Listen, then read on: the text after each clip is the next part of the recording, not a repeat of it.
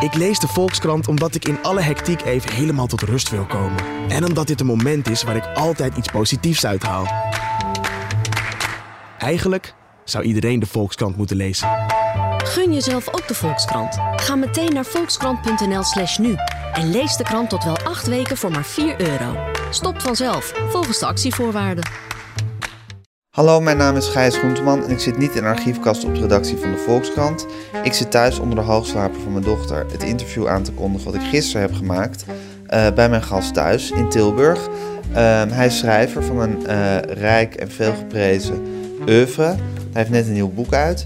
Ehm, maar hij is ook iemand die zich altijd eh, ja, op allerlei manieren manifesteert, laten we zeggen, in maatschappelijke kwesties. hij heeft bijvoorbeeld de Quiet 500 gemaakt een lijst ehm, eh, ja, van mensen over stille armoede.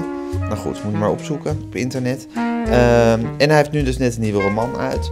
Aslast, fascinerend boek. Ik zou het een experimentele roman willen noemen. Of een beeldend kunstwerk. Maar goed, hebben we het zo meteen over. Uh, in ieder geval was ik bij hem op bezoek en het was heel interessant bij mijn gast AHJ, oftewel Anton Doutsenberg. Zei net dat je heel gasvrij bent, uh, Anton. Maar dat, uh, daar hoorde je een beetje van op, hè? Nou, daar ben je niet zoveel gewend.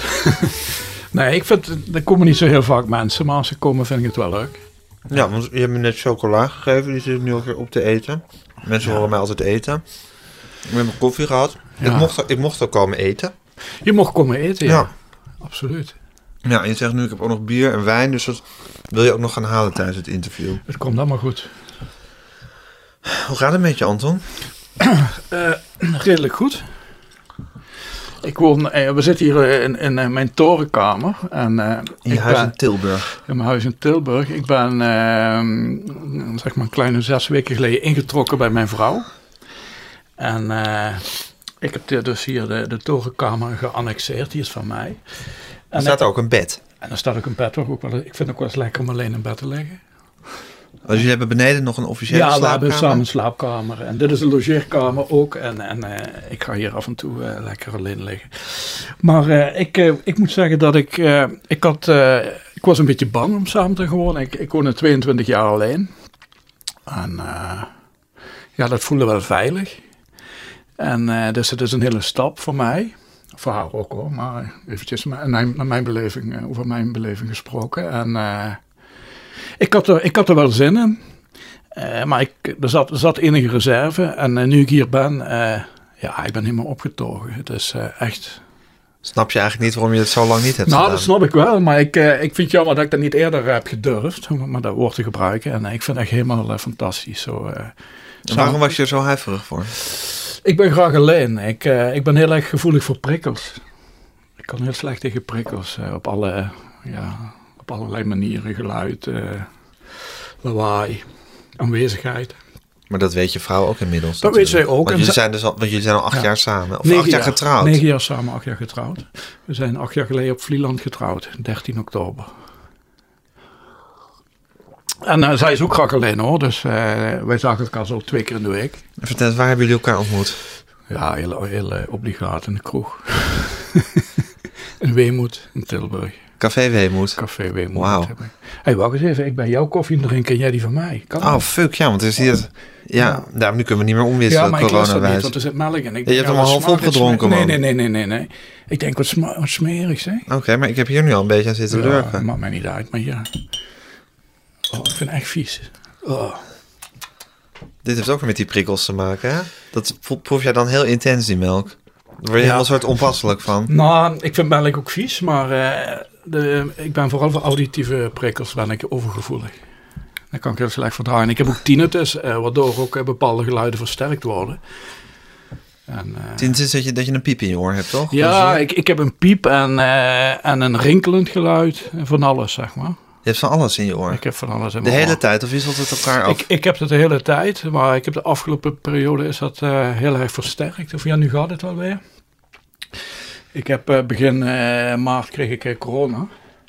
En met, met heel veel klachten en van, of niet over te hebben of zo. Maar ik, ik ben niet van drie maanden ziek geweest, waarvan ik 32 dagen in isolatie heb gezeten. En een van de gevolgen was eh, dat mijn tinnitus werd gekwadrateerd. Dat meen je niet. En dat was niemand te verdragen. Dat, eh, ik dacht echt van, eh, einde verhaal of zo. eh, ik kon het niet meer hebben. Je dacht, ik maak er een einde aan. Ik was wel ten einde raad, ja. Ik was, eh, ik was die, ik, ja, ik heb van alles gehad. Ik kreeg eerst natuurlijk eh, die, die hoest en, eh, en de verhoging en kortademigheid. Daarna kreeg ik nog ontsteking in de longen erbij. En op een bepaald moment viel mijn stem ook weg. Ik kon drie weken niet praten. Het zicht in mijn oog verdween. goed, en, en mijn tinnitus werd gekwadrateerd. En, maar goed, na 32 dagen kwam ik uit, uit isolatie. Dan ben ik hier even bij Maartje gaan zitten. En toen kwamen alle spanningen er denk ik uit. En toen eh, eh, verloor ik ook de controle over mijn geest. Dus eerst het lichaam en toen de geest. En toen... eh, Een seconde. hoor. Ja? ja, en ik heb echt, ik kon niet meer slapen. Ik kon echt, ik heb dagen niet geslapen, dus ik kreeg psychotische klachten. En mijn tinnitus werd helemaal gekwadrateerd. Ik kon, ik, ik zat zo de hele, het was echt verschrikkelijk. Met je handen op je oren. Ja, het was echt, ik denk echt, het is echt, ik had dat nog nooit meegemaakt dat ik zo eh, veel controle verloor. En toen ben ik eh, ja, allerlei medicijnen, oxazepam, terazepam, paroxetine. Ik heb, eh, zeg maar, eh, meer medicijnen in de afgelopen maanden gebruikt dan de rest van mijn leven bij elkaar.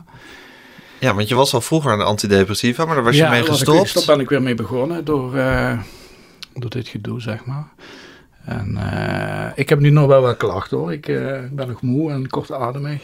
Je hoort het misschien nog een beetje.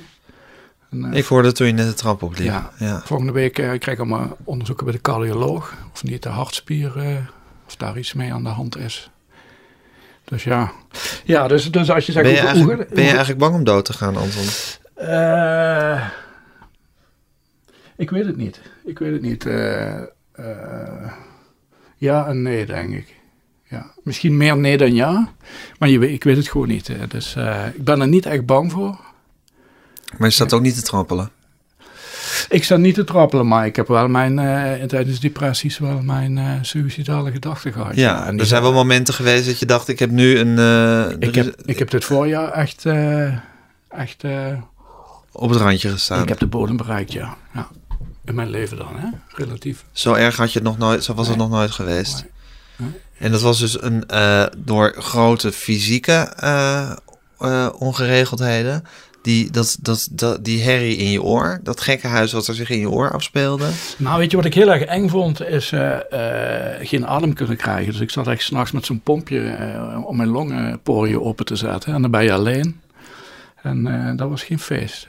En dat was ook in maart. Weet je, Ja, dat was, nog eh, in die, paniek, in die corona-paniektijd. Ik echt, eh, dat liep gelijk op. En eh, de huisarts wist, wist ook niks. Dus, weet je, Niemand wist nog wist iets, niks. nog altijd weinig, maar goed, toen Ja, nog minder. Ja, ja. Dus ik zat, eh, dat liep, aan liep, liep gelijk op allemaal. Je bent niet in het ziekenhuis terecht Ik ben niet in het ziekenhuis terechtgekomen. Ik heb wel een paar keer op het punt gestaan om 112 te bellen s'nachts. Toch niet gedaan. En eh, uiteindelijk eh, na 32 dagen ja, Hoe is het werd om- ik vrijgelaten. Hoe is het om 32 dagen alleen te zijn? Maar ik vind alleen zijn vind ik heel ja, dat vind je leuk, maar Ik, eh, 32 dagen is misschien wel nou, wat dat korter. vind ik ook geen probleem. Ik, ik zit wel eens twee of drie weken alleen op Vlieland. eh, maar eh, alleen met klachten en heftige klachten en angsten. Dat is eh, heel, erg, heel erg onprettig. Ja. En je zei van, ik zat toen heel diep. Dacht je van, eh, eh, kom me maar halen, magere hein? Of dacht je, ik sla de hand aan mezelf? Of, eh, Nou, ik, ik, ik had. wat mijn troostbode op een bepaald moment was dat ik dacht van. ik, ga- ik ga dan extrapoleren. Hè, van wat gaat er allemaal gebeuren? Ik was niet zo bang om op een IC terecht te komen. Ik denk, ja, ben je toch, ben je toch weg? zeg Ja. maar. En toen dacht ik van ja. Als ik uiteindelijk. als ik het niet red en. La- laat, eh, laat mijn astma uitgestrooid worden eh, op de plek waar mijn vader ook is uitgestrooid op strijddagen hebben we toen uitgestrooid. En een paar jaar na zijn dood, toen ook zijn hond was gestorven, die hebben samen de as van beide samen verstrooid op zijn favoriete plek. Ik denk, eh, laat mij daar eh, ook maar uitgestrooid worden. En dat bracht mij rust. je had een fantasie dat je, dat je, Ja. dat je, dat je verbrand zou zijn en dat je... Nee, dat ik, dat ik, ik denk als ik nu, nu doodga en ik word gecremeerd. ja, eh, ja, maar je, je had een fantasie over dat moment dat je as was geworden... en dat je, dat je dat- uitgestrooid zou worden op dat dezelfde bood plek mij als je troost. Ik denk, als dat het dan een einde is, was prima. dat had ik. Het bood mij echt troost. Ja. En, eh, ja. Geruststellend. ja, ik werd er rustig van, van dat idee. En overlegde je dat met Maartje, met je vrouw? Ik heb echt 32 dagen eh, met niemand overlegd. Ik kon helemaal niks verdragen. Ik kon geen telefoon verdragen, geen mailtjes, geen sms. Je, had ook, je was niet alleen, maar je had ook helemaal geen contact met de buitenwereld. Nauwelijks. Ja, Maartje zette dan eh, boodschap, boodschappen voor de deur en dan heel even bellen. Maar kon ik heel slecht eh, tegen. Ja. Die prikkels waren te veel al. eh, dus ik heb echt... eh, Want, dat is, want jij bent dus sowieso gevoelig voor prikkels. En als Ja. je, als je zou maar zeggen, als het slecht met je gaat, geestelijk gezien, dan, dan, dan, dan verlaagt die, die prikkeltolerantie alsmaar. Ja, er komt alles binnen. Ja. Dus, ik had op een bepaald moment ook dat ik, toen ik weer vrijgelaten was, als een, eh, zeg maar een glas op het aanrecht werd gezet en ik zat in de kamer, Dan werd je dat gek. lawaai echt, oh. En geluiden werden helemaal ver- vervormd en verstoord, eh, waardoor ik eigenlijk eh, ook het overstemde televisie kijken ook. En muziek luisteren, wat ik heel graag doe. Maar goed, dat is allemaal eh, later het ook. Dit is, dit is Laten we het over gezellige dingen Nee, maar snap je? Nee, maar als je zegt, hoe gaat het? Redelijk. Dus ik ben heel erg opgetogen over waar ik hier terecht ben gekomen. Ik, eh, ik ben eh, op de een of andere manier weer opnieuw verliefd aan het worden. Op je vrouw ook? Ja, dat is een heel, heel gek gevoel. Of gek gevoel, een fijn gevoel. Maar dat dat samengaat met die opluchting van, oh, wat is het toch fijn hier. De zon gaat weer schijnen in je leven. Ja, absoluut, absoluut. Maar dat is toch fantastisch? Ja, nee, maar mij hoor je ook niet klagen hoor. Ik, eh, ik ben eh, op dit moment uitermate tevreden. Ja, want het is nu dus eh, half oktober. Dus het is nou, ruim een half jaar na, na die dramatische maart die je hebt beleefd. maart, april, mei. Ja, nou, dan is het, dan is het vijf, vijf, Ja. vier, vijf maanden. Ongelooflijk dat het, dan, dat het zich dan al zo ten goede heeft kunnen Ja, keren. dat is echt, eh, dat had ik ook helemaal niet eh, verwacht. Dat Wat een jaar is dit geweest voor jou, hè, ja, dat is nog niet voorbij, hè? Het is nog niet voorbij. Ja. Nee, dat is, eh, dit was een, een, een dieptepunt en een hoogtepunt, zeg maar, allebei. Ja, In de goede volgorde. ja. Hoe vind je dat, dat je dat hebt meegemaakt? Ja. Hou je van leven eigenlijk? Ja, je doet er niks aan, je krijgt het. hè. Ja, je moet er Ja. doorheen. Zo ik- goed en zo kwaad als het Kijk, gaat. ik, ik, ik bedoel, ik, eh, het leven valt me niet altijd makkelijk, maar eh, ik maak er wel iets van en ik leg me er niet bij neer. Dus ik ben wel... eh, Vertel eens over je vader iets. Ik, Wat? zit, ik zit naast hem, zei Ja. ik- Achter mij hangt een ik, heb, ik, fotocopie. ik heb oogcontact met hem. Hebt- en, Zo voelt dat ook. zo voelt dat echt, Ja, want Jij, we zitten aan jouw werktafel, aan je bureau. Een, mooi, een klassiek bruin bu- bureau. In Berlijn gekocht, twintig jaar geleden met mijn vader. Twintig jaar geleden in Berlijn gekocht met je vader. Met twee imposante bureaustoelen daarachter. Ik, jij zit er in één en ik zit er in één. Ja. Dat is echt een soort, soort, soort directiestoel is het.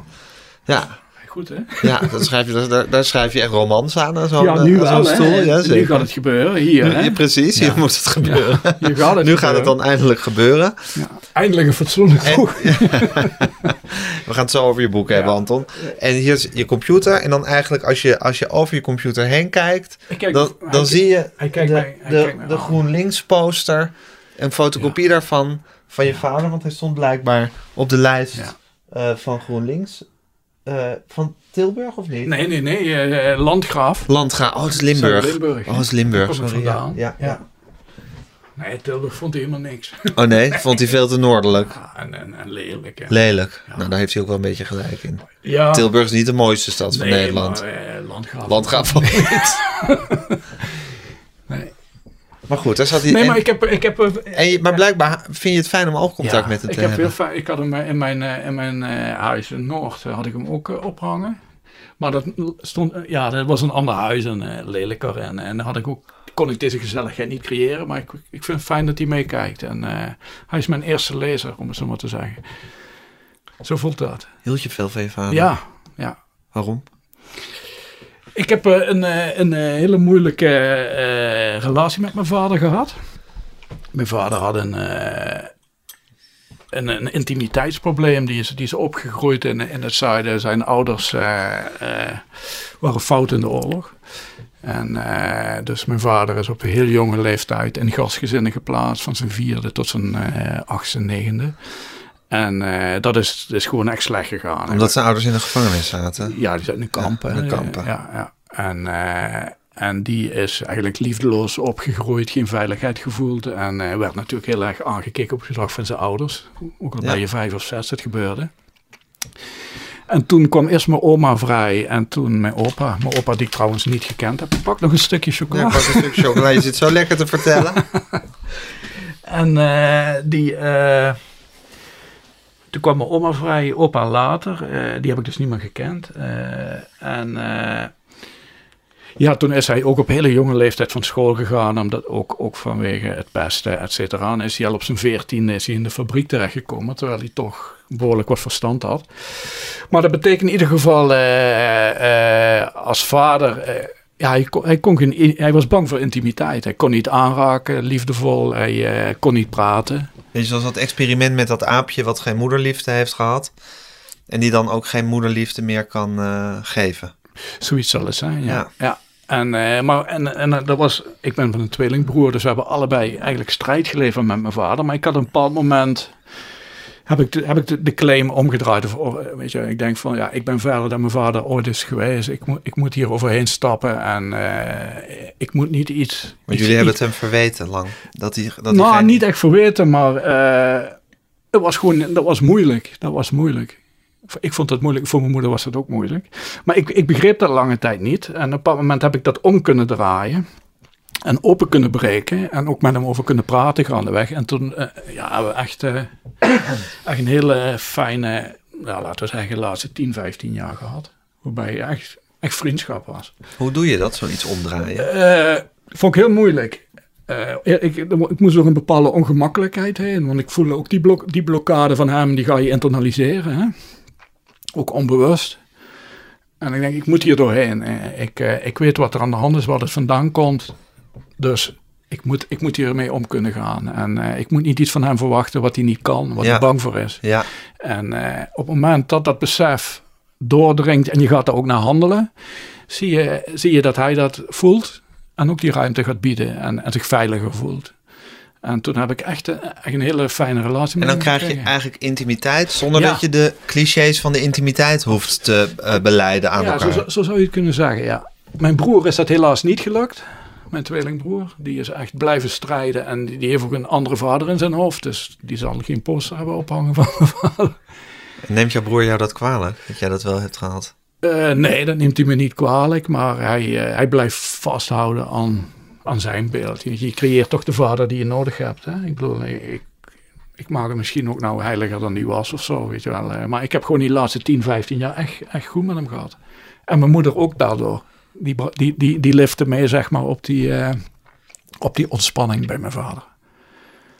Hoe lang is dat geleden? Dat, eh, Hij is 11 jaar geleden gestorven. Dus het is, zou ik maar zeggen, 25, 26 jaar geleden. Rond mijn dertigste ben ik begonnen Rond je dertigste ben je Ja. begonnen met dat... eh, Ja, ik denk van ja, ik heb universiteit af ik gewerkt. Ik, wil, ik, ben, ik, ik, ik, ik heb veel meer ontwikkeling dan hij in zijn hele leven heeft gehad. En die kans ook niet heeft gehad. Dus, Ja. En dan, ik denk van ja, dan moet ik om gaan buigen. Dat, dat kan niet. In welke tijd was het zo dat jij zo inzette voor de Stichting Martijn? Wat daar wil je het ook over hebben? nou, ik vind het interessant omdat, omdat je natuurlijk toen eigenlijk ingezet hebt voor verschoppelingen.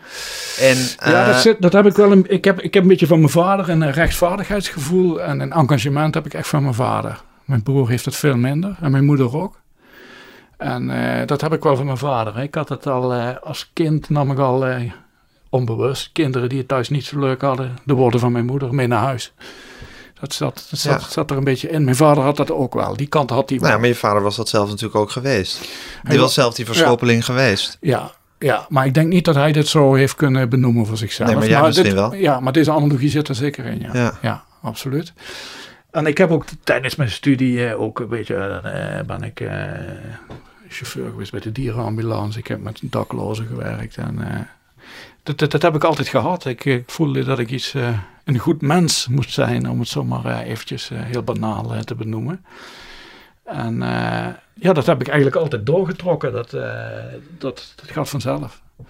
En Martijn hoort daar ook bij. En dat, het gaat nog verder dan dat. Het heeft ook natuurlijk te maken met het schrijven, met de vrijheid van meningsuiting. Dat je dromen, verlangens en fantasieën natuurlijk nooit mag verbieden. Dat je eigenlijk alleen, alleen maar op gedrag mensen moet beoordelen. En eh, ik vond het verschrikkelijk. Ik vond het verschrikkelijk wat er gebeurde. En ik... eh, Kijk, wat daar ook de kern nog is van het meeste misbruik vindt plaats binnen gezinnen. En eh, families. En daar, daar is heel weinig aandacht voor. En, uh, mijn nog even recapituleren. Ja. Stichting Martijn is, is, was, was, want ik geloof dat ze verboden zijn, hè, inmiddels? Ja, ze zijn uh, op civielrechtelijke gronden verboden. Ja. Geen, geen strafbare feiten, maar het gedachtegoed was niet wenselijk. Een vereniging van pedofielen die zich met elkaar die zich verenigden om gewoon ja. te kunnen praten over hun gevoelens die ze nou eenmaal hadden. Wat je mensen toch moeilijk kwalijk kan nemen, zolang ze er niet uh, absoluut, absoluut, naar handelen. Absoluut, absoluut. En uh, kijk, en ik ben daar ook naar die vergaderingen gegaan en ik ben lid, actief lid geworden. Op dat moment wilden ze hem zelfs voorzitter, maar dat heb ik niet gedaan. Er moest een nieuwe voorzitter komen. En uh, ik ben daar gaan praten om ook te laten zien: hey, dit, dit, dit is geen ongedierte. Dit zijn gewoon mensen waar je gewoon mee kan praten. Ik heb toen alle Tweede Kamerleden benaderd om een keer te komen. Niemand durfde. Ik heb zelf organisaties gevraagd. Niemand durfde. En uh, dat vond ik gewoon gek. Ik denk, ja, ik bedoel, er zijn heel veel pedofielen in Nederland. Er is een geaardheid waar je niks aan kunt doen. En een beetje inclusiviteit kan geen kwaad. En uh, ik wil helemaal niet propageren dat je een kinderen moet zetten. Maar goed, dat heb je mij ook nooit horen zeggen. En dat snappen ze zelf ook wel. Maar je moet je voorstellen dat je die verlangens hebt. Hè. Het is Afgrijzelijk. Volgens mij is het een van de grootste drama's die je kan overkomen Absoluut. in deze tijd dan. Hè. Vroeger was dat, was dat anders, zeg maar. Hè. Ook ja. nog eens. Hè. Maar goed, dat is afs afschuwelijk. En wat die hebben meegemaakt. En uh, Martijn uit den Bogaard. Ik vind het echt een hele dappere man, een vrijheidsstrijder. En uh, zonder strafblad. Ik zeg het er iedere keer bij, maar het helpt niet. Hè? Ja, je hebt gezien wat met mij ook, uh, mij ook gebeurd is. Dus ja, nee, dat was ook geen feest, nee. Ik, ja, ook, ik, heb, ik had er wel wat anders ingeschat. Maar goed, ik, ik heb er geen spijt van, want ik, ik vind nog altijd uh, bizar. Echt bizar. Ook dat je ogen sluit voor de realiteit. En uh, dat je een soort zondebok creëert om, ja, om, je, om je ongemak en je angst op te projecteren. En die moet dan geslacht worden. Hè? Ja. vergelijkbaar met de positie van een NSB-kind natuurlijk. Daar zit, ja, ja, nee, daar zit zeker een, uh, daar zit op, is dezelfde reflex, absoluut. Maar ja, goed, de zondebokken zijn zo oud uh, als de mensheid. Zeker, maar het feit dat jij je daarvoor, uh, dat, jij, dat jij een behoefte voelt om je daarvoor in te zetten. En je zegt, ik, heb, ik, ik heb het diepe gevoel, ik wil graag dan een goed mens zijn. En dat is natuurlijk zo, maar dat is natuurlijk ook omdat je blijkbaar een, een behoefte in jezelf moet bevredigen. Ja, ook, maar ook een goed mens zijn is natuurlijk een opportunistisch drang. Ja, dat is ook natuurlijk ook zelffelicitatie. En, uh, ja, maar misschien ook gewoon uh, omdat je een, uh, iets voor je vader wilde doen. Iets wilde betekenen voor de positie die hij had gehad. Het ja, leven wat hij heeft. Ik heb dat, ik heb dat niet bewust zo... Uh, want ik zei al, ik deed dat daarvoor ook al. Uh, dus uh, ik heb ook die Quiet 500 opgericht. Ik, ben, ik heb 15 jaar geleden Hulux en Marokkanen project gestart. Omdat ik merkte dat al die zelforganisaties alleen maar steeds... De, de gemeente zocht altijd samenwerking vanuit een negatieve invalshoek. Weet je wel.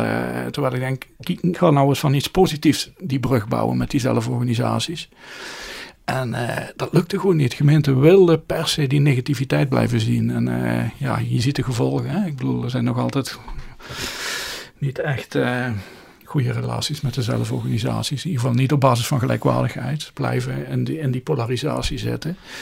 Dus ik heb dat altijd wel ge gehad. En ja. En dat, of daar, kijk, als kind deed ik dat dus ook al blijkbaar. En in ieder geval analyse achteraf van mijn moeder. En toen wist ik natuurlijk nog helemaal niks van mijn vader. Dat je, de, dat je de verschoppelingen mee naar huis nam? Nou, verschoppelingen niet. maar mijn jongens die thuis niet zo leuk hadden, die kwamen dan bij mij eten of die bleven slapen. En uh, ja, misschien heb ik dan antenne voor gehad of zo, uh, denk ik. Ja. Misschien is het ook wel die prikkelgevoeligheid voor je, van je. Zou kunnen. Die soort hoge sensitiviteit voor dit soort dingen. Zou kunnen, zou kunnen. Voor uh, het leed van anderen. Ja, maar het geluk van anderen zie ik ook hoor. Ja, daarom. Ja. ja dus. Maar daar, daar hoef je verder niks aan te doen. Nee, Nee, nee, daar hoef ik niks aan te doen. Hoe is dat om het geluk van anderen te zien? Vind ik fijn. Ja? Ik vind het fijn als mensen uh, blij en gelukkig zijn en tevreden, ja. ja. Ik ben ook geen jaloers type of zo. Uh, dat, uh, ik kan ook oprecht genieten van een goede recensie van een collega of een prijs. En, ik had ook vroeger met voetbal, ik heb altijd gevoetbald, ik kon heel goed tegen verlies. Ik vond het spelletje leuker dan per se het resultaat. ik wilde wel winnen als ik was aan het spelen, maar ik ging niet zo grijnig naar huis. En, dat heb ik eigenlijk altijd wel gehouden. Ik ben niet afgunstig of jaloers. Ik, uh, ik ben gewoon tevreden. En op dit moment uitermate tevreden. ja, kijk hier. Ja, dit is een koninkrijk waar je Ja, hier zit. Is echt, ik had niet gedacht dat, Je zit- dit, je dat zit- dit ooit nog eens kunnen, dat me dit nog een keer zou Dat je zo'n torenkamer zou Ja, had ik hebben. niet, niet verwacht dat ik zo'n eh, mooie situatie terecht Terwijl je al negen jaar met je vrouw bent, die dus in bezit was van deze torenkamer. Of in bezit, maar die hier woonde. Ja, ja, dit was een slaapkamer hierboven. En het zag er heel anders uit, dus ik heb, dit zijn allemaal spullen van mij. Maar je voelt je helemaal, Ja, helemaal fulfilled momenteel. Hoe, hoe, helemaal bevredigd, helemaal Ja, dat is eigenlijk te groot eigenlijk. bijna. Ja, het geluk ook te ja groot. dat is even te groot, ja. Ik moet even temperen. Dus eh, ik had niet verwacht dat me het zo zou overspoelen. Dat, eh, Dat intense ja, geluksgevoel. en ook, die, en ook die geborgenheid, die veiligheid, dat gevoel. Dat had ik niet verwacht, dat het zo eh, intens zou zijn. Ik kan wel huilen, Anton, als je dat Echt zegt. waar? Ja, Waarom? ik vind het ontroerend. Ja. ja. Maar weet je wat het ook is? Ik merk dat zij dat dus ook heeft. Dat je dat allebei... eh, we, zijn, we hebben een moeilijke tijd gehad in, eh, in een jaar geleden. Of anderhalf jaar geleden. En toen wa- we sloten ons allebei af. Jullie botsten. Ja, ja maar we waren allebei, eh, allebei in geslotenheid. En om dat laatste stukje kwetsbaarheid te laten zien, weet je, lukt ons allebei niet. En, en toen hebben we toch die beslissing genomen, allebei, dat gaan we, dat gaan we wel doen. Los van elkaar hebben we die beslissing genomen, hebben we het niet over gehad, maar het blijkt zo samen te vallen. En eh, Want het was een beetje, het was, het was kiezen of delen op dat moment eigenlijk. ja, dat, dat moment diende zich even aan, ja. Ik was daar, eh, ik werd bang, eh, zeg maar. Ja, ik ben sowieso een beetje een bang, bang iemand. Of ja, ik heb wel een hoge angst gesteld, zeg maar. Nee, je bent misschien bang voor je eigen, voor, Ook ja. voor je eigen Hoofd. stormen, voor je Ja, eigen hoofd. Ja, zeker. Dat kan ik me voorstellen. Als je weet wat zich daar kan afspelen, qua geluid, prikkelgevoeligheid en depressie, kan ik me ook wel voorstellen dat je daar bang voor bent. ja, en dat voelt ze helemaal aan. Hè. Dat is helemaal... eh, Zij is helemaal ingetuned op jou. ja. en, en andersom ook. Dus zij heeft ook wel dingen, zeg maar. En eh, helemaal goed. Maar ik tref je nu dus eigenlijk op een van de gelukkigste momenten Ja. van je leven. Ja. Terwijl ik je vijf, vijf maanden geleden, als ik hier langs was gekomen, of al had niet gekund, Nee. of ben je langs was gekomen, dan had ik je op, had ik je op het diepste punt van je leven Ik had getroffen. helemaal niet gereageerd op je mailtjes. Nee. eh. ik heb op, ik was helemaal. was mensen, mensen wisten ook niet dat ik. Ik had dus een, eh, een vriend van mij die, die had ik ingelegd. En toen kreeg ik om de twee dagen een sms. Hoe is het? En gaat het al beter? En moet ik me zorgen maken? Ja, dus dat krijg je er dan bij, die zorgen. Snap je? Van die ander. Ja, Die moet je ook oplossen. Precies. hè? En eh, ik kon het niet verdragen, dus ik, niemand wist het ook. Nee. Dus ik heb me opgesloten en eh, ik kon wel wat lezen. En eh, ik heb heel veel analoge avonturenfilms uit de jaren 50 en 60 gekeken. Lekker naïeve Technicolor films. En dat, het, dat bood troost.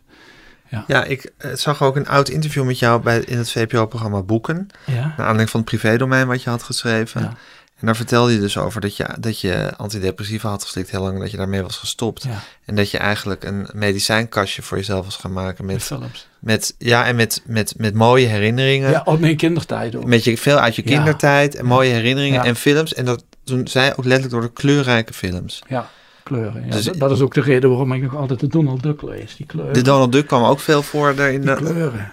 Ik, eh, die kleuren, die... eh, dus ik heb inderdaad, ja, nu zeg ik, ik heb die films, echt die, echt die Technicolor films, weet je, dat, dat Ja. was net die kleurenfilm. Ze wisten geen, ja, ze wisten niet van geen maat te. Je kreeg pijn, ja, je kreeg Ja. pijn aan de ogen, hè? Van het rood en het groen. Heerlijk. Ja, en voor jou als prikkelgevoelig iemand is het als je, als je die, die, die felle, harde kleuren binnenkrijgt, dat, Ja. dat, dat stimuleert iets positiefs in jou. Ja, ik heb sowieso, dat, ik heb vooral geluid wat, eh, wat, eh, wat, wat dan te veel is, zeg maar. Ja, alles wat met geluid te maken heeft, het binnenkomen Ja, piep. nee, en met Ja. kleuren, los van of het te veel is, maar juist als je dan dus felle, felle harde Als ik, kleuren... die, als ik dan doseer, als, als ik daarvoor, als ik, ik, ik heb er nu behoefte aan en ik krijg dan een overdaad van kleuren, dat, eh, ik denk dat dat dan een beetje de kindertijd een beetje evoceert. Want ik heb, hoe ik de kindertijd heb eh, verankerd in mijn hoofd, dus zon, zon, buiten, felle, felle kleuren. Maar ik, ja, landgraaf is niet mooi, maar ik heb wel een, ik heb wel een hele fijne jeugd gehad. Hè. Eh, mijn lagere schooltijd is, De gelukkigste tijd van je leven nou, geweest. tot op dit moment dan. Hè. Ja, nu, nu, je zit tegen nu op het niveau van je lagere schooltijd weer.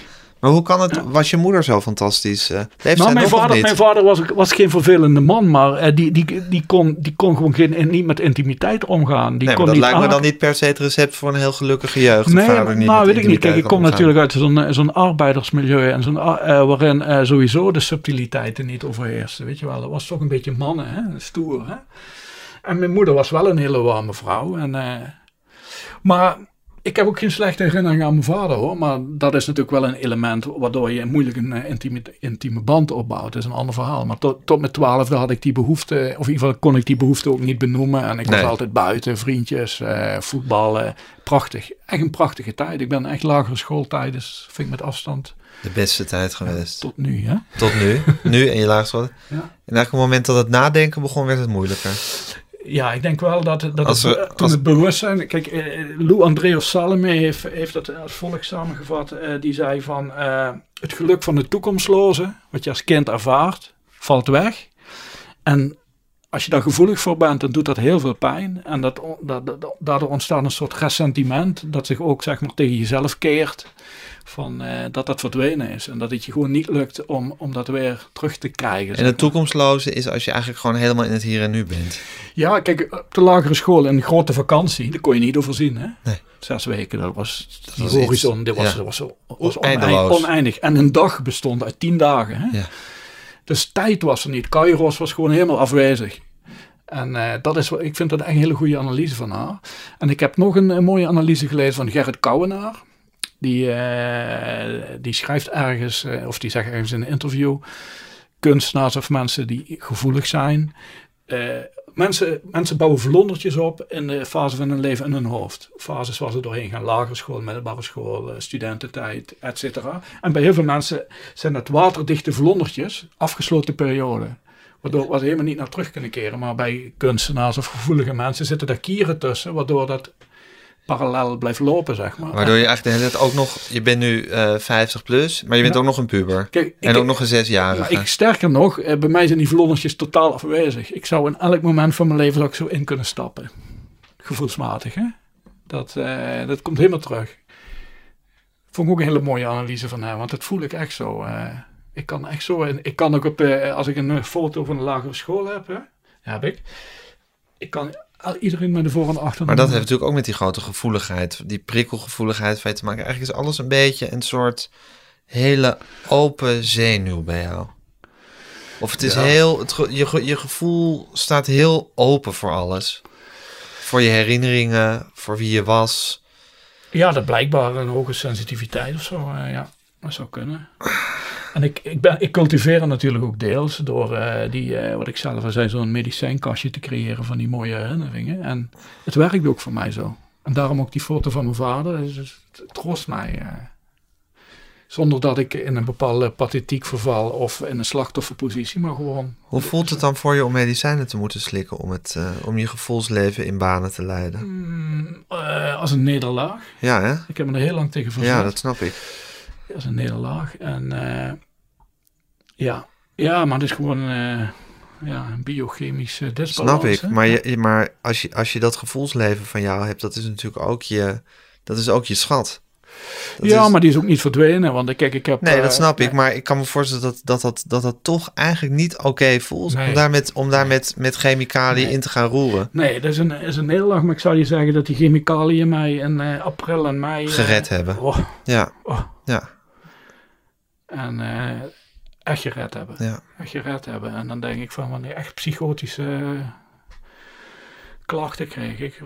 Dus ik, ik ben er gewoon hartstikke blij mee. En ik, ik tel er ook niet zwaar aan. Maar ik, de eerste keer dat ik met medicijnen begon, toen ik rond de 30 was, heb ik wel een, een mentale hobbel moeten nemen.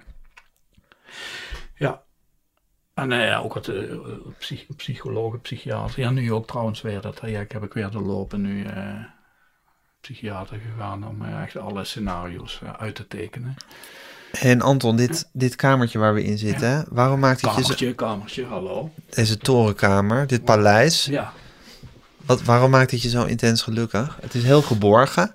Het heeft voor een deel een schuin dak. Dat is heel fijn, hè? Vind ik tenminste. Ja, is, ja, is een soort alkoof bijna, Ja. waar je in slaapt. hè. Ja. Is een, ja.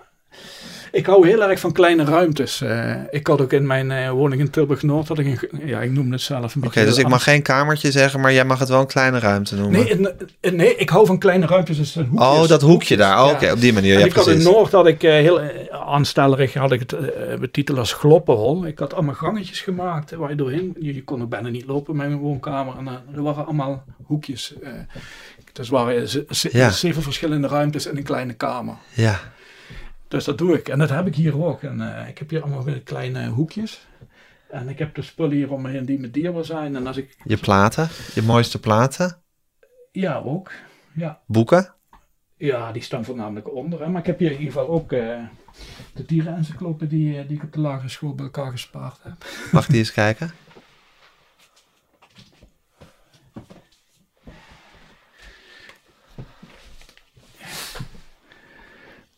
Hoe heb je die bij elkaar gespaard? Ja, van mijn zakgeld en eh verjaardag en dat soort dingen. Dan ben ik bij elkaar. Dit is een kleine, kleine Winklerprins dierenencyclopedie.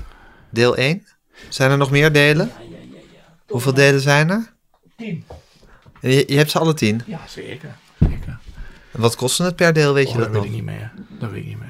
Maar dat zal vast 15 gulden zijn geweest of zo. Dat zou wel zo zijn, Ja. zo, rond die tijd. In ieder geval, ik heb dat, ik heb dat bij elkaar gespaard toen. Want ik wil eh, dierenarts worden Oh ja? de lagere school.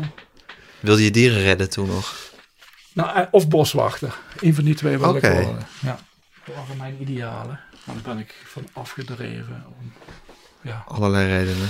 ja, ja. Maar dit is een dierbaar eh, absoluut. boek voor jou. Absoluut, absoluut. Is dat eigenlijk het eerste boek wat je met heel veel overgave en liefde hebt gekocht? Dat denk ik wel. Dat, dat, eh, dat denk ik wel. Ja, Ja, de eerste van vele. ja. Ja, de eerste van vele, ja. En het ziet er, het ziet er nog heel, in heel goede staat uit. Ja, ik ben heel zuinig op dat soort dingen. Je, bent heel, ja, je boeken staan ook heel netjes in de kast Ja. allemaal. Ja. En ook geen, ik zie niet echt vouwen in de ruggen bijvoorbeeld. je leest, je leest voorzichtig. sommigen wel, eh, maar Ja, maar je, je, zie- je ziet dat je voorzichtig met, Ja. met je boeken omgaat. Maar dit heb je wel gelezen allemaal. ja, ja, ja. Ja? Gespeld. Ja, zeker. En ik, heb, ik weet ook dat ik een spreekbeurt over eh, gehouden heb. Eh, ik weet nog dat ik een spreekbeurt heb gehouden over arenden. En ik kreeg een zes. Ja, ik, Daar ben je nog altijd een beetje verbolgen Nee, nee, nee, want ik weet, ik, ik, ik, ik was extreem verlegen, dus ik, ik, eh, ik ramde dat eruit, zeg maar. eh. Ja, Dus retorisch was het eh, waarschijnlijk een 4 ja. en inhoudelijk een 8 en dan kreeg ik een 6. Was je heel verlegen als Oh, kind? heel extreem, heel extreem. Echt, ik durfde geen winkels meer in, aan tafel eten. Ik heb het dan niet over de lagere school, ik heb het dan over de middelbare school. Ja, de lagere school was je eigenlijk was ongecompliceerd. prima. Ja, maar en kijk, een lagere school mag je ook huilen. Op de lagere school mag je ook verlegen zijn en rood worden, snap je? Mhm. Op de middelbare school word je allemaal ge- eh, gecompenseerd of gecorrigeerd. Gecompenseerd, gecorrigeerd. En dan, eh, en dan mijn vader die dan die intimiteit niet, weet je wel, laat boem. Dus eh, dat, ik was extreem verlegen. Ik durfde in de klas niks Maar wacht even, want je werd dan gecorrigeerd op de middelbare school.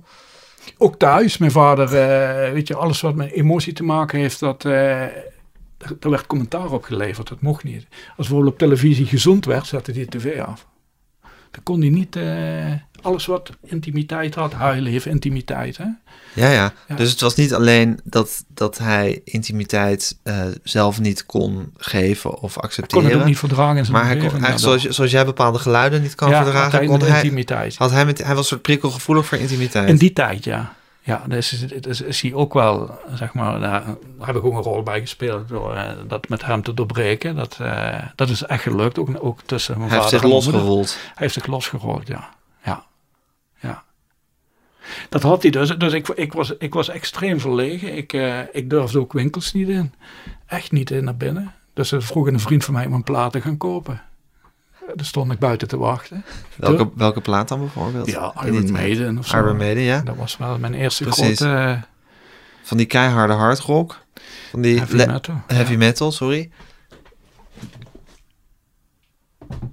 Een boek Ja, de- over heavy metal. De heavy metal die- encyclopedie. Nou, ik, ben, eh, ik, ga, ik ben voor Excelsior Recordings eh, ben ik een compilatie aan het maken van eh eh hardrock en heavy metal in Nederland en België in de jaren 79, 84. Oh ja. De New Wave of Lowlands Heavy Metal. En er komt een boekje bij. En, dus ik ben even mijn jeugd of even mijn tienerjaar aan het herbeleven. Ik ben vorige week bij Arjan Lucassen geweest. De Prog Koning. Was leuk.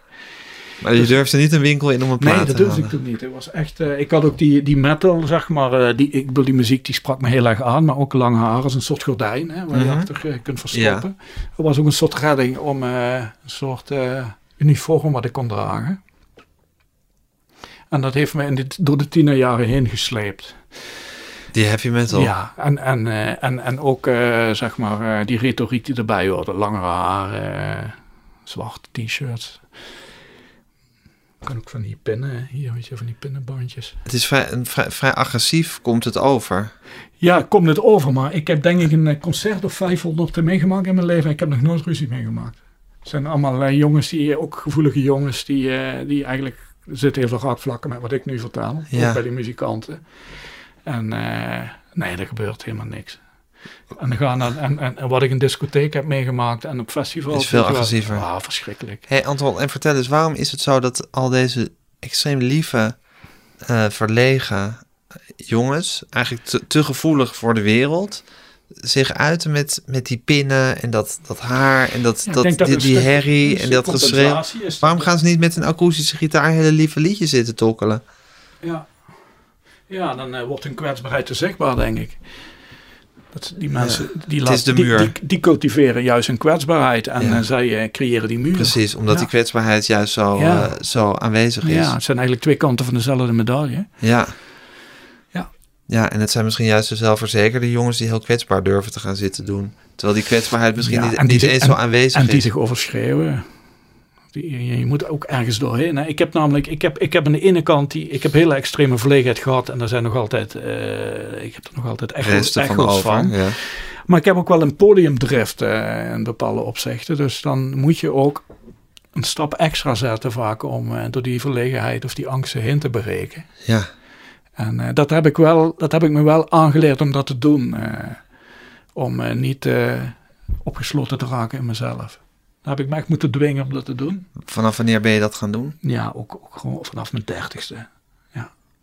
Ja. En ik, moet- ik moet zeggen dat ik toen ook wel, toen ben ik ook medicijnen gaan slikken. Het heeft me ook wel geholpen. Die, die, die, die scherpe kantjes werden er ook wel afgeveild hoor. Van die angst en die eh, verlegenheid. Daardoor. Maar Want- dat is, daardoor dat is een andere- belangrijke periode voor je geweest. Want toen ben je dus eigenlijk... Je hebt, je hebt de bocht genomen om medicijnen te gaan slikken. Ja. Je bent je verlegenheid gaan overwinnen. En je bent je vader gaan... eh, En ik heb de Omarmen. economie voor wel gezegd. en je hebt, want je was econoom. Ja, of ja. je bent econoom. Dat ben Ja. je net zoals alcoholist. Ben- Blijf je altijd econoom. Zo is het. En ik zeg niet dat jij alcoholist bent, maar mensen die alcoholist zijn zeggen altijd: Ik je alcoholist blijf je altijd. En eh nee, maar ik leg het even uit wat mensen denken dat ik jou een alcoholist. eh, maar goed, en, maar econoom ben je dus altijd, maar die heb je vaarwel gezegd. Die heb ik voor wel gezegd, ja. Voor, voor, een deel, ik, ik, voor een deel nooit gedwongen, of het is ontstaan hè, de- door, door die Martijn. eh, door de, ik was eigenlijk parttime eh, schrijver. Ik, ik werkte nog, ik had een eigen bedrijf met een, eh, met een vriend, collega. Wat voor een bedrijf? Pensioencommunicatie. En ik werkte onder meer voor Financial Times, Universiteit van Tilburg. En ja, en toen Vereniging Martijn in het nieuws kwam en mijn lidmaatschap, toen werd ik overal ontslagen, aan de kant gezet. En eh, dat ging van kwaad tot erger. Dus niet alleen die doodsbedreiging, maar ook dus economisch. En dus eh, een paar momenten heb ik de laatste klanten aan mijn compagnon overgedragen. Want ik denk, ja, ik heb het veroorzaakt, niet hij.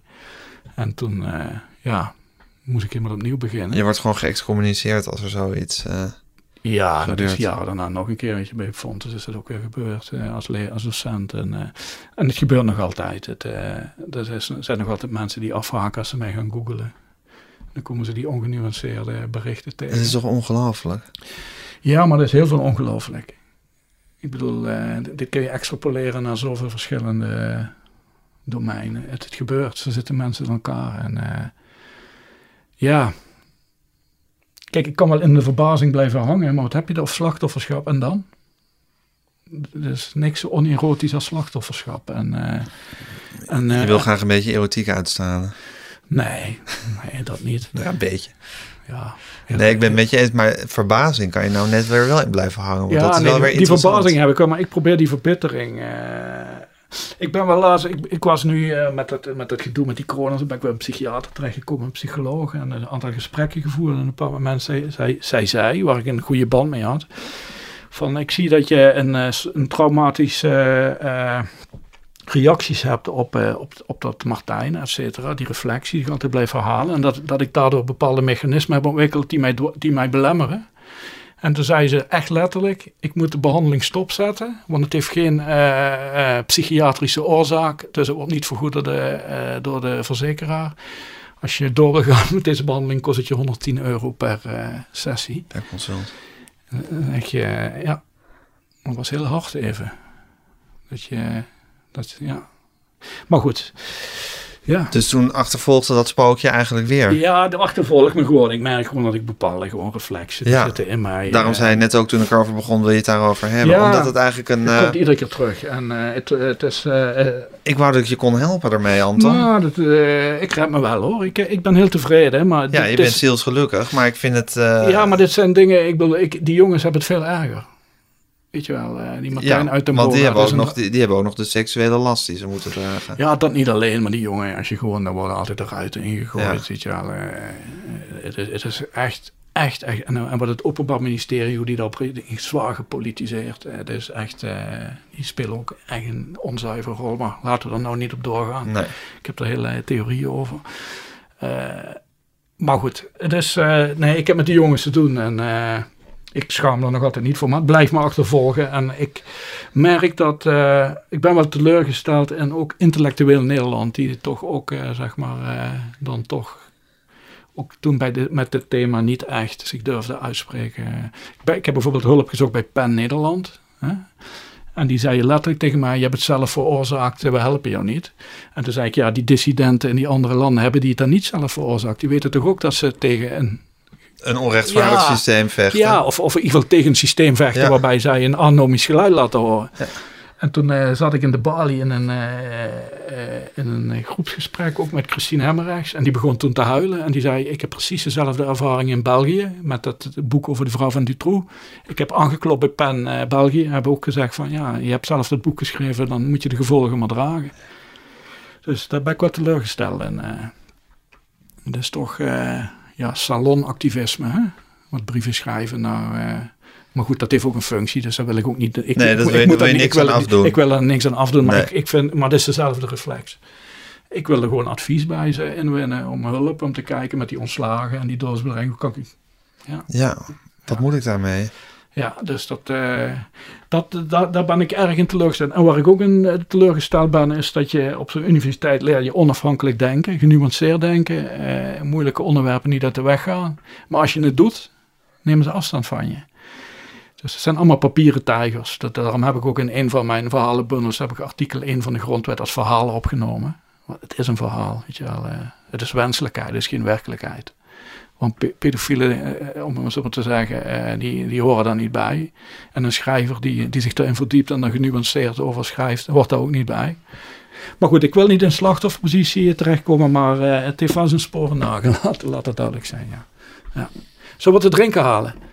Of wil je nog even... Zit je in een goede vibe? Nou, ik zit wel in een goede fight. Laten we het nog heel even over je boek hebben, Anton. Heel even.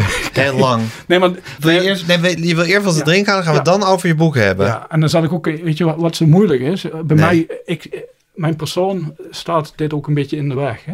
Snap je? Om erover te hebben. Nee? Het wordt heel, heel vaak gaat het over Martijn of de Nier of, eh, snap je, of de Quiet 500. Allemaal de, de ophef, zeg maar. Zeg maar de vent. Ja, we hebben het eigenlijk heel weinig... Ik Ja. Kijk, ik zei nu, Nee. dat, ik zei, ik, ik zei nu dat, dat, dat rondje dertigste Ja. dat het een belangrijk moment Ja. in je leven was. We hebben dat het toen vlees veranderd. Nee, maar ik, ik bedoel dat ook niet vervelend je, maar ik merk wel dat dat in de media... Kijk, als er een recensie van mijn werk verschijnt, komt altijd dat rijtje. En dat, terwijl het, ja, het heeft, het heeft, het heeft het nou met mijn werk te maken, snap je? Ik haal wat te drinken, wat wil je hebben? Doe maar een biertje. Gewoon een biertje Ja, of een een eh, corona biertje of iets? Corona biertje. Ja. Of zo, ja, ik heb een iets andere, maar ik haal het gewoon. En dan moet je er een glas bij. Nee, corona biertje drinken we uit het flesje.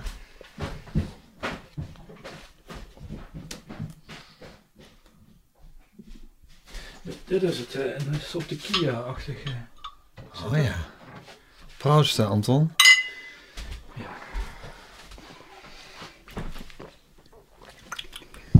Oh, dat is wel lekker. Lekker. Die gaat terug. Ja, die dierenencyclopedie. Doe er voorzichtig mee. Ik heb nog een paar mooie dingen. Zullen we- Wil je even wat zien? Even kijken. De communie. Mijn moeder heeft heel veel weggegooid, maar een bepaald aantal dingen niet. Dan maakten wij voor de communie, moesten we, ter voorbereiding moesten we iets... eh, dan moest je een gast aan tafel moest je bedenken. Hè? Dan, Ja. moest je, dan moest je geld voor Ja. staan. Lees. Linksboven. Mijn gast aan tafel heet Frits. Hij komt uit China. In dat land zijn ze erg arm. Ik ben het sparen dat ze een beetje geld. Ik ben aan het sparen, moet het dan zijn dat ze een Ja. beetje geld krijgen. Frits is geel van de huidskleur. Hij heeft spleten oogjes. In dat land hebben weinig mensen werk. Frits gaat ook naar school als ons. Ze leren niet zoveel als ons. Thuis krijgen ze niet zoveel te eten. Daar krijgen ze maar een kommetje rijst. Meer krijgen ze niets te eten. Erg, hè? Ik was toen zeven. Dat is de verhalen die je, ja, ik bedoel, je reflecteert wat je dan hoort, hè? Dan komt de pastoor kwam dat dan vertellen. Precies. Die laat ik je zien, die van... Hij gaf ze allemaal te eten. Jezus. Gelooft hij in Jezus, eh, Anton? Eh, nou, ik denk wel dat dat een eh, historisch figuur is die bestaat. Ja, maar toen. Geloofde hij toen in... Ik was wel... ik, Dat hij de verlosser ik, was. Ik was wel... nee, dat drong niet op me door. Ik was wel gefascineerd door de, door de verhalen.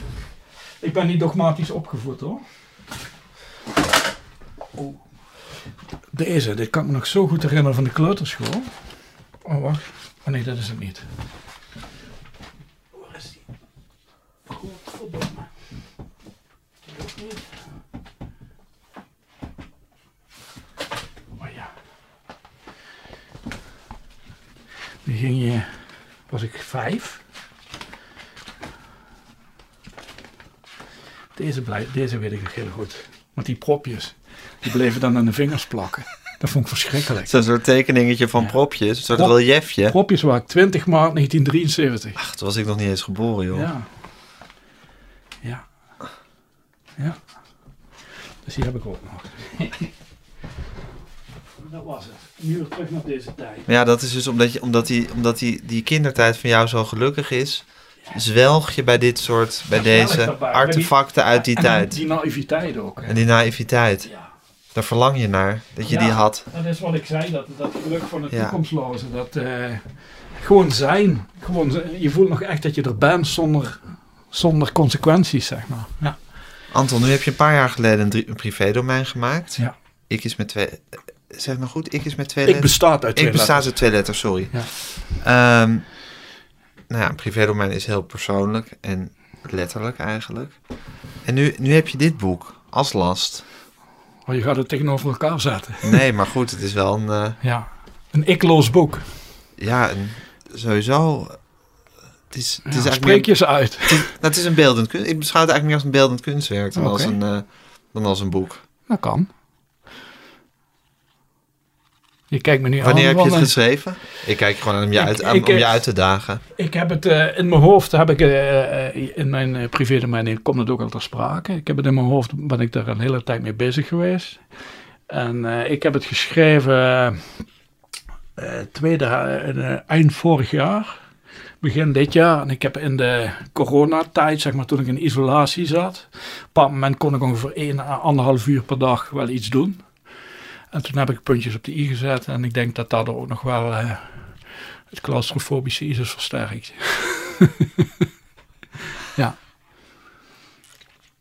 En eh, wat vind je ervan als ik zeg dat ik het als een beeldend kunstwerk beschouw? Ik vind alles prima wat iemand ervan vindt. Ik, dus volgens mij is het projectiepotentieel eigenlijk nog nooit zo groot geweest bij een boek van mij als bij Het dit projectiepotentieel vind ik een goed woord. Ja, ja. En ja, hier, zu- hier zullen echt heel verschillende reacties op komen en interpretaties. En ik heb het ook grotendeels intuïtief geschreven, dus het heeft ook nog niet alle geheimen aan mij onthuld. Om maar eens even een cliché van stal te halen. Maar ik voel dat bij dit boek echt zo. Het is voor jou ook nog een beetje een raadsel. Ja, dus ik vind het ook fijn om de, om de, om de gesprekken die ik nu ga krijgen met journalisten en zo. eh, ik ben ook benieuwd wat ze daaruit halen. En eh, ik vind het minder interessant om te vertellen wat ik erin heb gestopt. Want eh, ik, vind, ik denk dat hier eh, de lezer vooral bepaalt wat het is. Meer dan bij mijn andere boeken, waar Ja. heel duidelijk narratief zit. Zoals dat met een beeldend kunstwerk ook zo is. Ja. Zeker met een abstract beeldend Absoluut, kunstwerk. absoluut. Dus in Ja. die zin, eh, ja, ik, ik snap wat je zegt. En eh, misschien is het een compliment, ik weet het niet. Het is zeker een compliment. Oké, dankjewel. Ja, het is sowieso het grafische aspect is heel belangrijk. Het was, zijn- ook- was nog een gedoe hoor, met, de met Nou, de dat kan ik me eh, voorstellen. Hebben we echt met z'n tweeën Ja. flink moeten sparren. Want en, het eh, zijn, zich, het zijn eigenlijk zich repeterende en steeds zich iets aanpassende fragmenten. mhm, Eh, een weerwar over iemand die in een trein zit. mhm. En eh, de, de manier waarop de letters gedrukt zijn verandert steeds. Van vet naar heel vaag.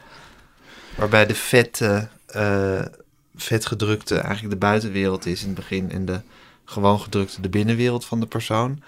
En langzaam maar zeker nemen ook ja, gewoon gekleurde blokken. Eerst stukken wit. En daarna gekleurde blokken het, eh, de pagina's over. En de tekst over. Mhm. Ik denk als de mensen jou dit zo horen vertellen, dat ze dat ze meteen gaan kopen. Nou ja, ik zou het ze eigenlijk wel aanraden om het Ja? te kopen. Omdat het, omdat, omdat ja, ik bedoel, eh, romans zijn er, zijn er voldoende. En het is ook heel goed dat ze geschreven worden. Nou, dit is ook een roman, want dat staat op de voorkant. Maar het is, je hebt wel iets uitzonderlijks in handen. Oké, dit- met ah, dit dat is boek. Fijn, dat is fijn. Kijk, ik merk dat ik steeds, eh, ja, transgressie. eh, kijk, dat, zit, dat, sterk in mijn werk. Ik denk dat het hier, eh, zeg maar, het vers is doorgevoerd.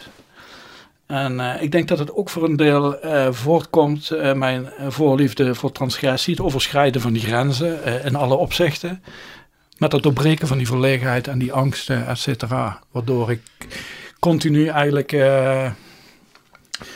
zeg maar, eh, de vlucht naar voren kies. Het leven is doorbreken voor jou. Ja, doorbreken. Het doorbreken van hindernissen. doorbreken van hindernissen. En ik denk dat, dat, eh, dat ik dat heb getransponeerd naar de literatuur, ook onbewust. Zoals je ook die, die, die, die, eh, de manier waarop je naar je vader keek moest doorbreken. Ja, moest Ja. ik doorbreken. ja. En, dan, En en, je- en je daarna moest ik mijn eigen, een eigen mechanisme doorbreken. Ja, En ja, ik denk dat dat wel in, het, in elkaars verlengde ligt. Ja. En dan ook dat binnenwereld, buitenwereld. Dat is in hoeverre de buitenwereld echt invloed heeft op wie je bent. Of, en vice versa. Hè. Dat is, maar goed, dat is een eeuwenoud thema. Zeker. ja. En eh, ja, En wanneer wist je dat je dit zo moest gaan vormgeven, dit boek? Dat je dit... Eh, dat is ontstaan, dat is echt heel intuïtief ontstaan. Ja, ik had dat beeld eh, in die trein, binnenwereld, buitenwereld, eh lege, kapot, lege wagon. En langzaam ja, dienden de beelden zich aan. En, eh, en ook de vorm. En heb je het bijna ritmisch geschreven? Ik heb bijna want, ritmisch geschreven, ja. ja, want die, want die stukken repeteren zich. Ja. Dus eigenlijk een beetje zoals het gebonk van een trein ja, ook, zou je kunnen precies, zeggen. Precies, ja. Ja, dat, eh, dat is zo ontstaan. Vanuit dat gevoel heb ik het geschreven, ja. En toen heb ik iedere keer weer opnieuw... Ik wil er niet een bepaalde chronologie, maar er moet wel een... Een, Een ritme eh, in en, en, een pro, en er zit een progressief en een degressief traject in het boek. Maar dat progressieve traject betekent wel dat ik steeds weer vanuit hetzelfde uitgangspunt moest vertrekken. Weet je. Ja. ik niet eh, een narratief eh, ging inbouwen. Of in ieder geval geen expliciet narratief.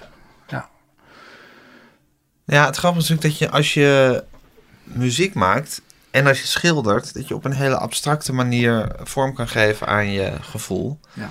Terwijl je met, met schrijven altijd met de rationaliteit van woorden zit En opgezet. woorden hebben betekenis. En woorden hebben betekenis. Zelfs als je Ja. poëzie schrijft en het abstract is, dan nog Ja. zit je met die woorden. Ja, dan zit je ermee te kijken. Ik ben ook heel erg, ik ben wel jaloers in positieve zin op muzikanten. Ja, Lijkt me heerlijk. Maar ik, ik, kan, ik, ik hoor ook, eh, weet je, ik, de muziek uit mijn jeugd, eh, zeg maar, zo'n Peace of Mind van Iron Maiden, die kan ik, die kan ik helemaal in mijn hoofd spelen. Dus ik denk dat ik een instrument beheers, zou ik het helemaal kunnen. Maar ik be- beheers geen instrument, ik heb het ook nooit geprobeerd. En eh, dat lijkt me wel heerlijk als je dat kunt. ja Maar ik ken ook muzikanten die het tegenovergestelde zeggen. Tuurlijk. wou dat ik willen schrijven, snap Maar je? dit is, dit is jouw poging tot, dit is jouw rijken naar muziekstuk. Zou je kunnen zeggen, ja. Ja, en, ja. En, en, en beeldende kunst ook hoor. En Ik- beeldende kunst Ik heb het ook gedaan. eh, Ik heb er ook naar gezocht in mijn eh poëziebundel waarin ik snoekergedicht heb gemaakt. Ken je die? Nee. Even te zien. Ik heb eh, gedichten gemaakt die je ook kunt spelen. Ja, Snoekergedichten. ja. Met snoekerballen. Met snoekerballen. Ja. David? Ja. En vorig jaar is de- deze verschenen. En is dan... eh, Een tinnitusgedichten. Dit is het geluid wat je hoort. Eh, tenminste, dit ik is- heb, dit ik, heb, ik, tot- ik, ik heb geprobeerd, ik heb eerst onomatopeeën gemaakt van mijn geluid. En daarna heb ik geprobeerd om daar een positieve connotatie aan te geven. Om, eh, om er een vriend van te maken, zeg maar. Anders heb je continu die vijand in je hoofd. Ja. Maar goed, het, is, het neigt ook wel een beetje naar beeld en de kunst, zou je kunnen zeggen. Ik heb nu inmiddels al zoveel mensen met die tinnitus eh, geïnterviewd. Tenminste, ik herinner me nu Ja. Leon de Winter en Arjen Lubach. Ja, ja, Ja. Arjen Lubach heeft nu, of in zijn laatste boek heeft hij ook... eh, ja. Ja.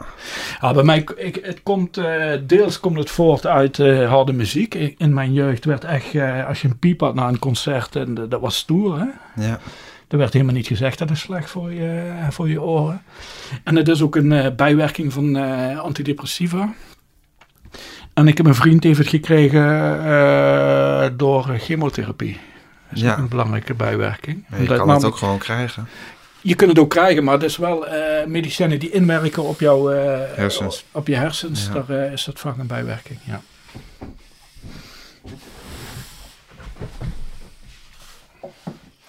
Even kijken, de volgorde was dit. Oh, Anton, ik hou ervan hoe, hoe gedreven je ze meteen weer terugzet. Je dichtbundels.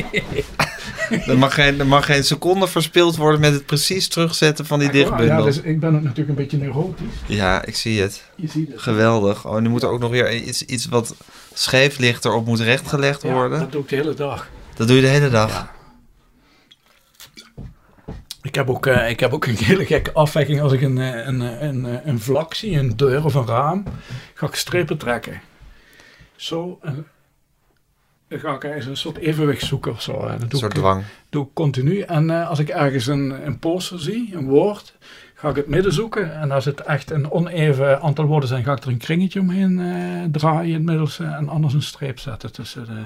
In gedachten doe je dat. Ja. Ja. Dat doe ik de hele tijd. En ik heb heel lang, ik denk nu een jaar of vijf, dans je de hele nacht met mij in mijn hoofd. De hele dag. Dat is, geen, is, dat is echt waar.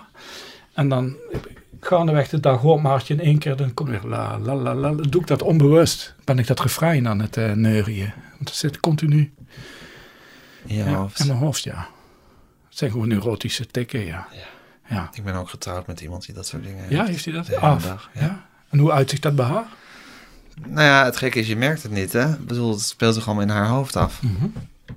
Dus, eh, en het is wel geloof ik minder dan toen ze jong was. Maar zij heeft bijvoorbeeld een heel, een heel eh, eh, soort regels met leestekens. Dat als ze leest, dan telt ze alle leestekens en die verdeelt ze onder in groepen. Ja, En die telt ze en dan maakt en dat, dat vertraagt echt haar leesproces.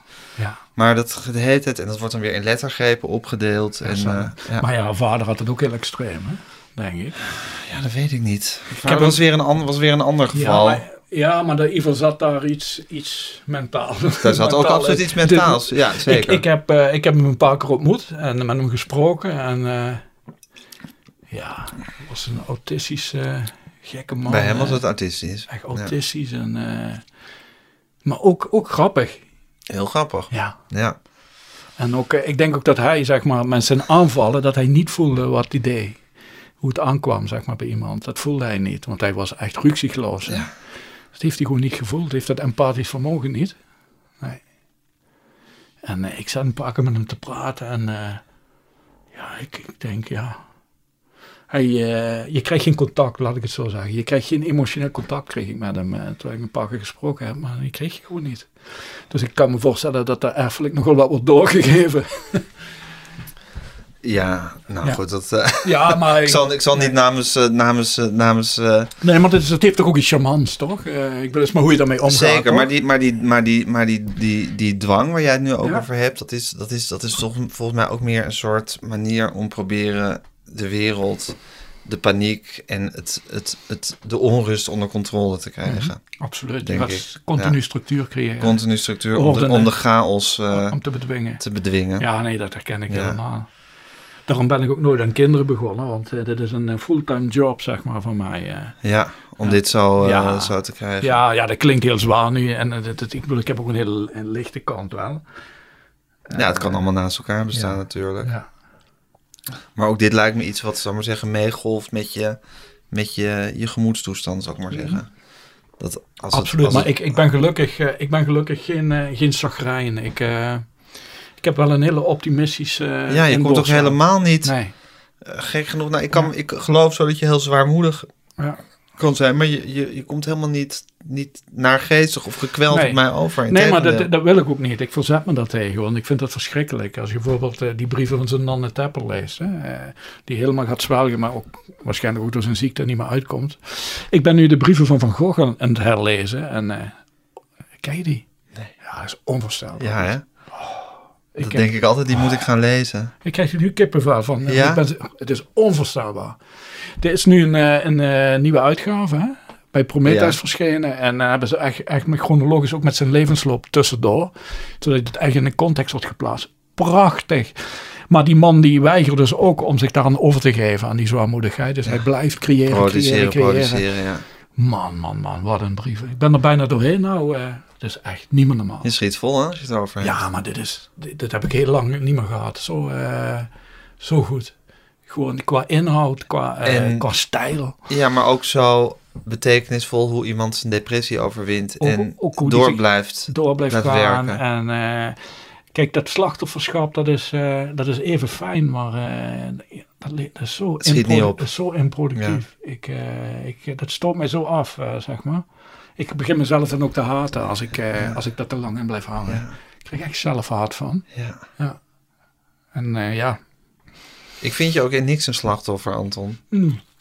Vind ik fijn om te horen, want Ja. eh, dat wil ik ook absoluut niet zijn. Nou, dat vind ik heel fijn. Ja. Hoe denk je dat hierop gereageerd gaat worden? Eh, Uitzinnig. Uitzinnig. Oh, op dat boek, op dat Ja. boek. Wat- Ik wat dacht jij dan? Wat- wat bedoel je Nee, ik dacht dat je voor dit grap, dit, dit interview, dat je iets had van wat moeten mensen met dit interview. Oh, nee. Op dit boek, ik heb geen idee, nee, ik Anton. ook totaal niet. Ik heb geen Het idee. is net uit, dus ik weet het ook niet. eh. ik zal je eerlijk zeggen, ik dacht even pak, of de uitgever eh, het aandurft. Hè?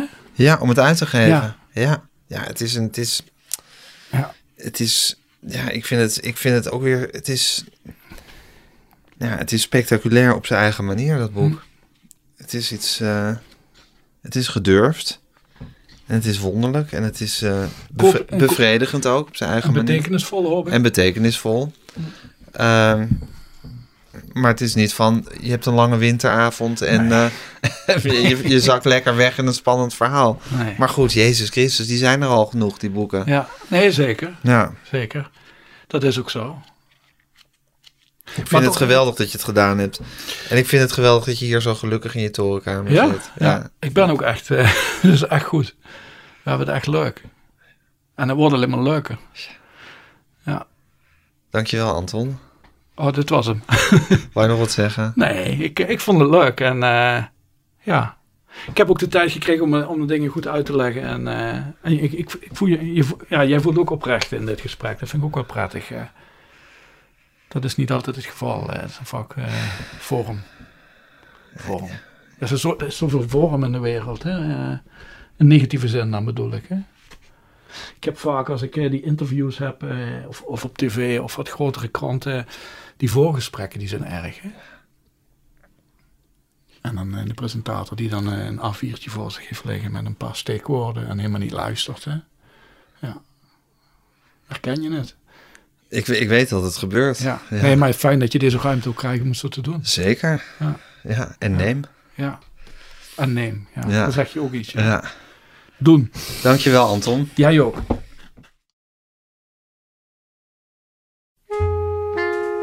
Dit was Met Groenteman in het Nieuwe Normaal met Anton Doutsenberg. Mijn naam is Gijs Groenteman. Ik maak deze podcast samen met Daan Hofstee. U kunt zich op alle mogelijke manieren abonneren op deze podcast. U kunt ons een mailtje sturen, podcasts.volkskrant.nl. U kunt eh, ons volgen op Instagram, @metgroenteman. En geef ons, als het kan, lekker veel sterretjes.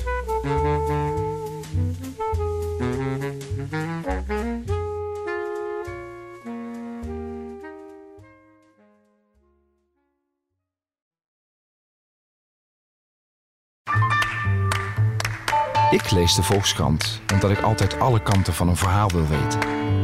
En ik nieuwsgierig ben naar de mening van anderen. Eigenlijk zou iedereen de Volkskrant moeten lezen. Gun jezelf ook de Volkskrant. Ga meteen naar volkskrant.nl/slash nu en lees de krant tot wel acht weken voor maar 4 euro. Stopt vanzelf, volgens de actievoorwaarden.